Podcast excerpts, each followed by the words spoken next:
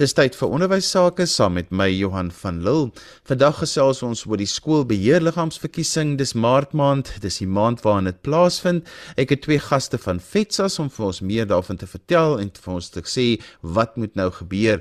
Dr. Johanay van der Merwe, sy is die adjunkuitvoerende hoof van FETSAS en dan het ons ook vir Constance van der Walt en sy is die nasionale operasionele bestuurder.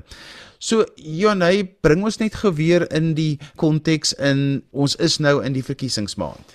Ja, Johan, dit is omtrent 'n woeligheid en 'n besigheid by al die skole met die verkiesing wat nou op 1 Maart afgeskop het en ons weet dit is hierdie hele maand van Maart maand het ons lekker beheerliggaam verkiesing en um, daar is so so so so 'n ou nou ervaar sommer 'n atmosfeer in die lig van van ouers wat betrokke is by skole en eh, en en nuwe beheerliggame wat 'n ou nou nou hierso sien verkies word. So ag dis dis sommer net lekker uh, Johan hierdie hele maand van Maart alhoewel dit eintlik tot 'n mate maar 'n kort maand is, hou ons beheerliggaam verkiesing by skole En um, ons weet nou ook die skole sluit 20 Maart. So dis eintlik basies in hierdie volgende 2 weke wat ons werklik gaan sien. Um ouers gaan by skole deelneem en skole moet opskit om seker te maak dat die verkiesings gehou word en um ja, laat ons seker maak ons kry ons nie, nuwe beheerliggame uh, verkiesing nou aangewys. Konstansie jy's betrokke by die operasionele gedeelte hiervan. So, wat is nou die praktiese dinge wat nou moet gebeur en vir skole nou moet kennis neem? Wel, ehm um, soos jy gesê het, ons is eintlik nou reeds in die verkiesingsmaand, so skole moes nou al reeds al die kennisgewings gegee het. Daar is ook omtrent net die eerste 2 weke van Maart beskikbaar ehm um, vir die verkiesings omdat die skole ook eintlik nou weer binnekort sluit. Ek dink die 20ste Maart.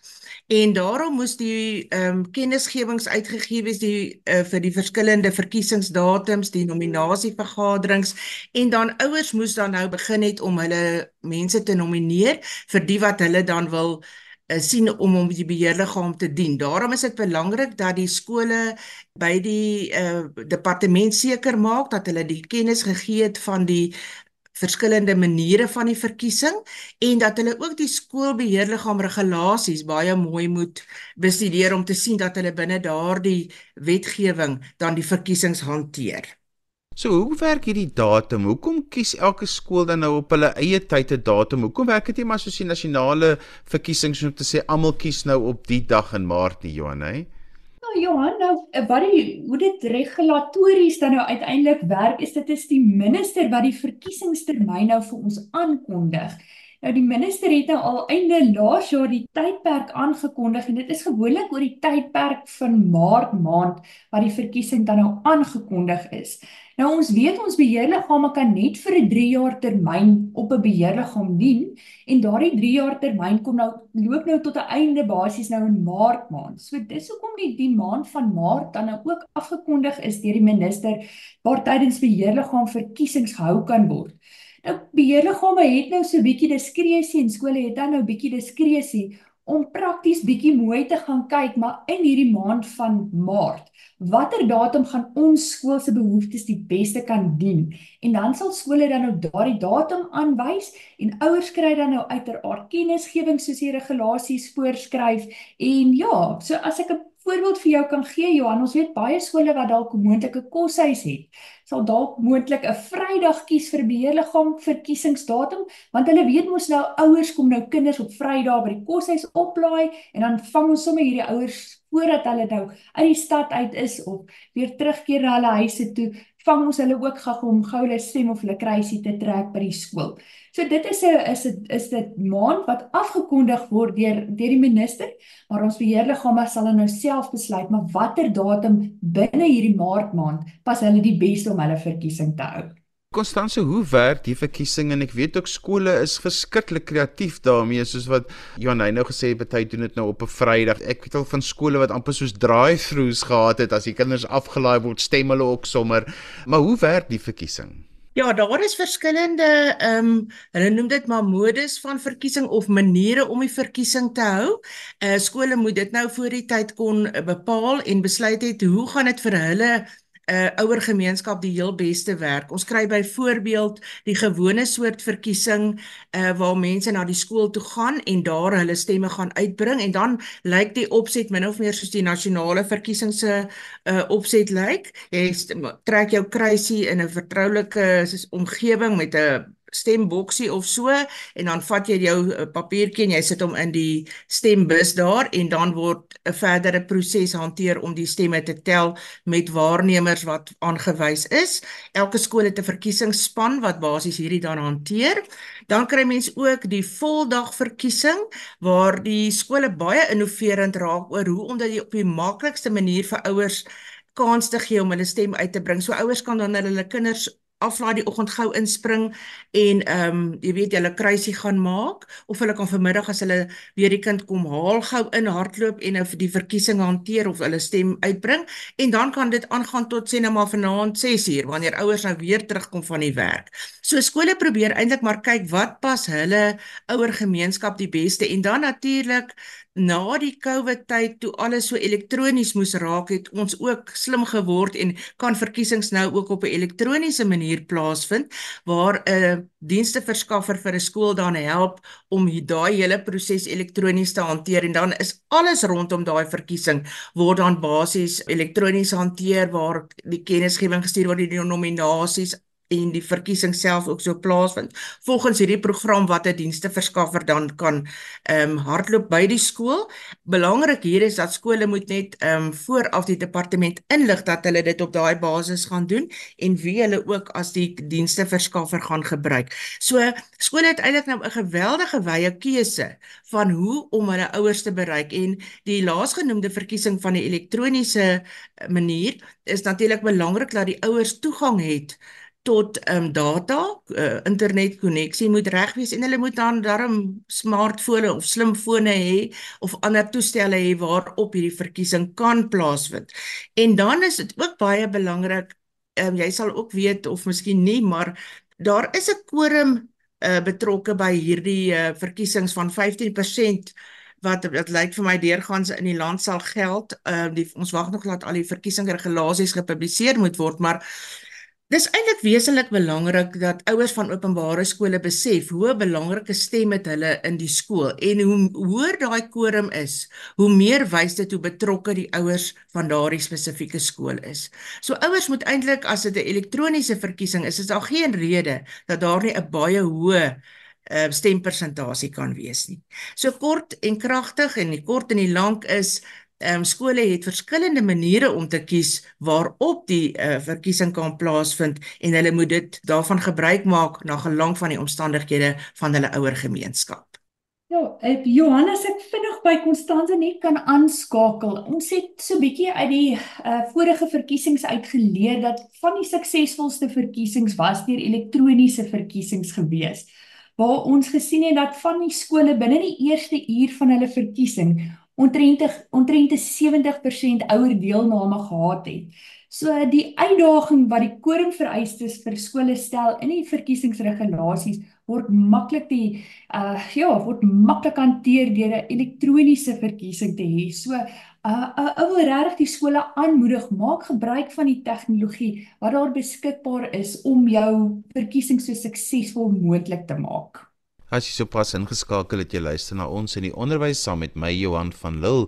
My twee gaste vandag is Constanze van der Walt en Johanay van der Merwe en ons gesels vandag oor die skoolbeheerliggaamsverkiesing wat hierdie maand gebeur.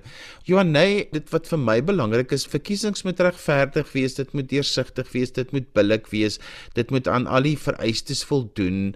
So vir baie ouers is dit ook 'n bekommernis om te sê, maar word dit gereguleer? Want ek meen ons stem nou elektronies, ons gee ons stemme in watter prosedures is in plek dat hierdie verkiesing nou regverdig is en dat dit nou nie die die skool of se maatjies is nie. Ja, nou kyk Johan, elke verkiesing het nou natuurlik 'n skoolkiesbeampte wat nou sekere funksies en sekere pligte opgelê word om toe te sien dat hierdie verkiesing volgens die voorgeskrewe prosedure plaasvind en dat daar nie 'n gekil is in die hele proses nie. Maar ek moet sê Johan het en, en ou hoor baie keer klagtes van van ouers wat sê ag nee maar dis nou net hierdie of daai een se maatjies wat op die beheerliggaam verkies gaan word, maar as die ouers nie fisies gaan deelneem aan die verkiesing nie, dan skep hulle daardie ruimte vir so 'n bietjie 'n mate van gekonkel um, in die verkiesing. So dit is belangrik dat ouers werklik sal besef, maar ons het 'n verantwoordelikheid, ons moet deelneem en dit is dit is so ou regtig gaan sien dat jy die regte kandidaat op jou beheerliggaam gaan kry. Nou moet ek ook sê met jou elektroniese proses is dit daardie veiligheidsmaatreëls ingebou.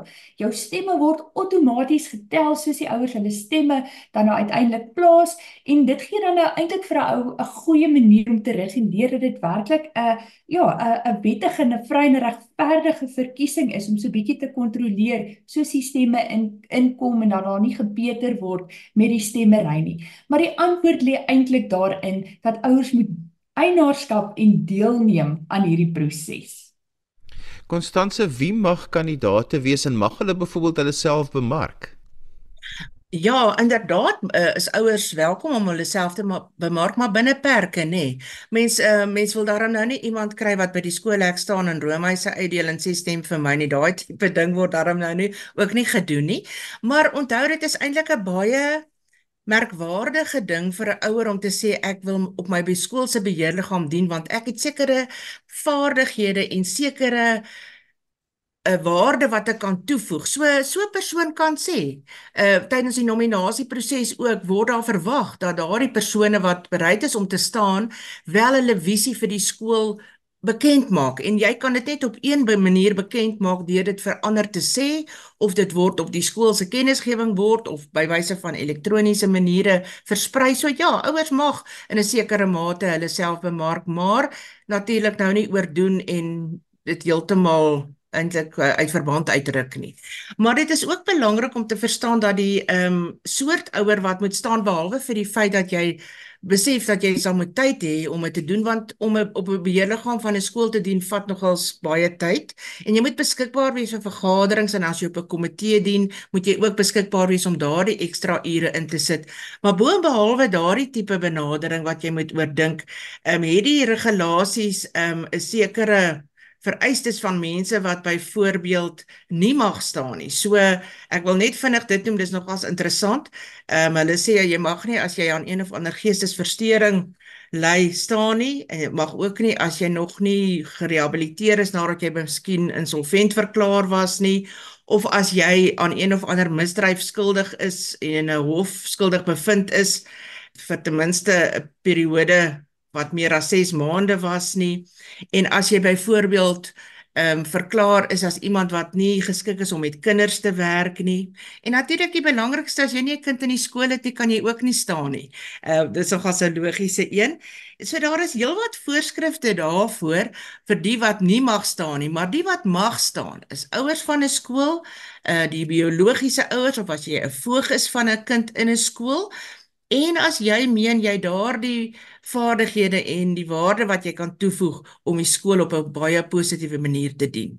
Jonay, want daar is ook opleiding vir die ouers wat bietjie angstig is. Hulle wil graag staan, hulle voldoen aan al die vereistes, maar daar is opleiding na die tyd jy word daarom nou nie net daar gesit en dan gesê nou moet jy swem nie.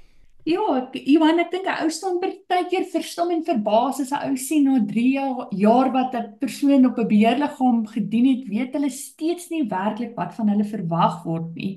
So ou kan nie oorbeklem toon hoe belangrik die opleiding is vir 'n beheerliggaamslid sodra hulle verkies is nie. Nou ons moedig graag skole aan en dit sal onder die leiding van 'n ou se skoolhoof plaasvind om so 'n bietjie te kyk na 'n voorligtingsprogram vir potensiële kandidate wat hulle self beskikbaar stel om op die beheerliggaam te dien. Dit gee die ouens al klaar 'n lekker idee van wat word van my verwag. Maar die belangrike is sodra 'n persoon verkies is, dat daar werklik moeite gedoen sal word om bietjie ehm um, hulle self uh, ja, moeite sal doen om by opleiding uit te kom en dit is wel fets as 'n baie lekker en 'n fantastiese program het hierdie jaar. Ons het 'n eh, vir die afskop het ons 'n induksieprogram. Nou dit vind landwyd aanlyn plaas vir alle nuutverkose lede van beheerliggame was 'n bietjie oorhoofs mooi verduidelik hoe werk 'n skool, wat is die rol van van jou as individuele lid en dan het ons 'n so vyf onderwerpe wat so bietjie voorlende areas van die funksies van die beheerliggaam. So dit word dan nou in elke provinsie in Suid-Afrika wat ons dan nou 'n bietjie lekker fokus op daardie opleiding waar ons eie provinsiale bestuurders in die provinsies fisiese in-persoon en aanlyn opleiding gaan aanbied. Ons beplan so by die 200 opleidingssessies hierdie jaar. So dis werklik belangrik dat die nuut verkose beheerliggame by daardie sessie sal uitkom en ehm um, ja, dat hulle hulle sal toerus want eh, 'n uh, toegeruste beheerliggaam is daardie beheerliggaam wat werklik verstaan wat hulle moet doen en wat uiteindelik die belang van die skool kan dien. Konstanse, as jy vir ons sou kan opsom wat alles vooraf, tydens en na die verkiesing moet gebeur net sodat skole daarom net so in hulle koppe kan aftik, het hulle, wat het hulle en hoe moet hulle nog maak? Ja, dankie. Op hierdie stadium as 'n skool nou nog nie die kennis gegee het nie, dan gaan hy half die bus verpas, maar ons aanvaar dat skole daarom dit reeds gedoen het. So daardie tegniese wetlike vereistes soos wat in elke provinsie se regulasies vervat is, moet aan voldoen word. En dan tydens die verkiesing is daai proses moet natuurlik geloofwaardig hanteer word. Die skoolverkiesingsspanne of skool eh, die mense wat by die skool werk rondom hierdie verkiesing moet seker maak dat hulle ook aan die regula eh, regulasies voldoen. Hulle kiesersrol moet reg wees, daar moet amptes wees tydens die verkiesing uh, wanneer dit nou 'n fisiese verkiesing sou wees om die korrekte administratiewe prosedures te hanteer en uit te voer.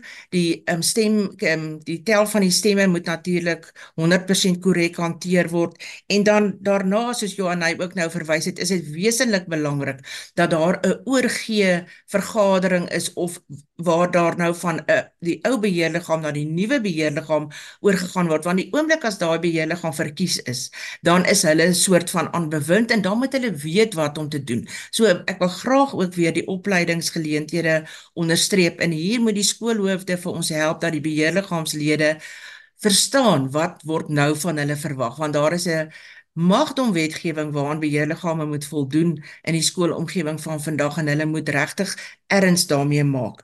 En daarom het 'n mens dit maar nodig dat beheerliggaamslede ook behoort aan 'n beheerliggaamorganisasie en ons is natuurlik nou van FETSAS en ons maak erns met hierdie saak en ons probeer daardie beheerliggame toerus sodat hulle weet presies wat om te doen want op die einde van die dag staan al hierdie mense wat nou verkies is in 'n vertrouensposisie teenoor die skool en moet hulle die beste belang van die skool bevorder. As ek uh, gou by Konstanse ook kan aansluit Johan, een ietsie wat ek net ook graag wil uitlig, sien nou ons nou midde ons verkiesing is, is die bemarking van hierdie verkiesing net so belangrik en um, ons het op 'n fantastiese reis gegaan en is dat 'n hele klompie duisende kilometers gereis het om lekker bemarkingsmateriaal bymekaar te maak. Sy het onder andere met uh, groot geeste gesels soos professor Tuli Maronsella, uh, sy het by Joe Black uitgekom. So dis werklik ouens en persone wat 'n hart het vir onderwys wat uh, wat 'n uh, groot verskil al gemaak het en uh, daai persone het vir ons 'n lekker boodskap opgeneem wat ons ouers motiveer om deel te neem aan hierdie verkiesing. So wees gerus ook op die uitkyk vir hierdie materiaal en skole word aangemoedig deel dit in jou gemeenskappe. Kom ons kry die ouers opgewonde om deel te neem aan ons verkiesings en luister gerus ook so bietjie na hierdie boodskappe. Soos ons sê ons wil soveel as moontlik ouers betrokke kry en ons glo hierdie boodskappe van inspirasie sal ook 'n groot invloed hê in daai verband.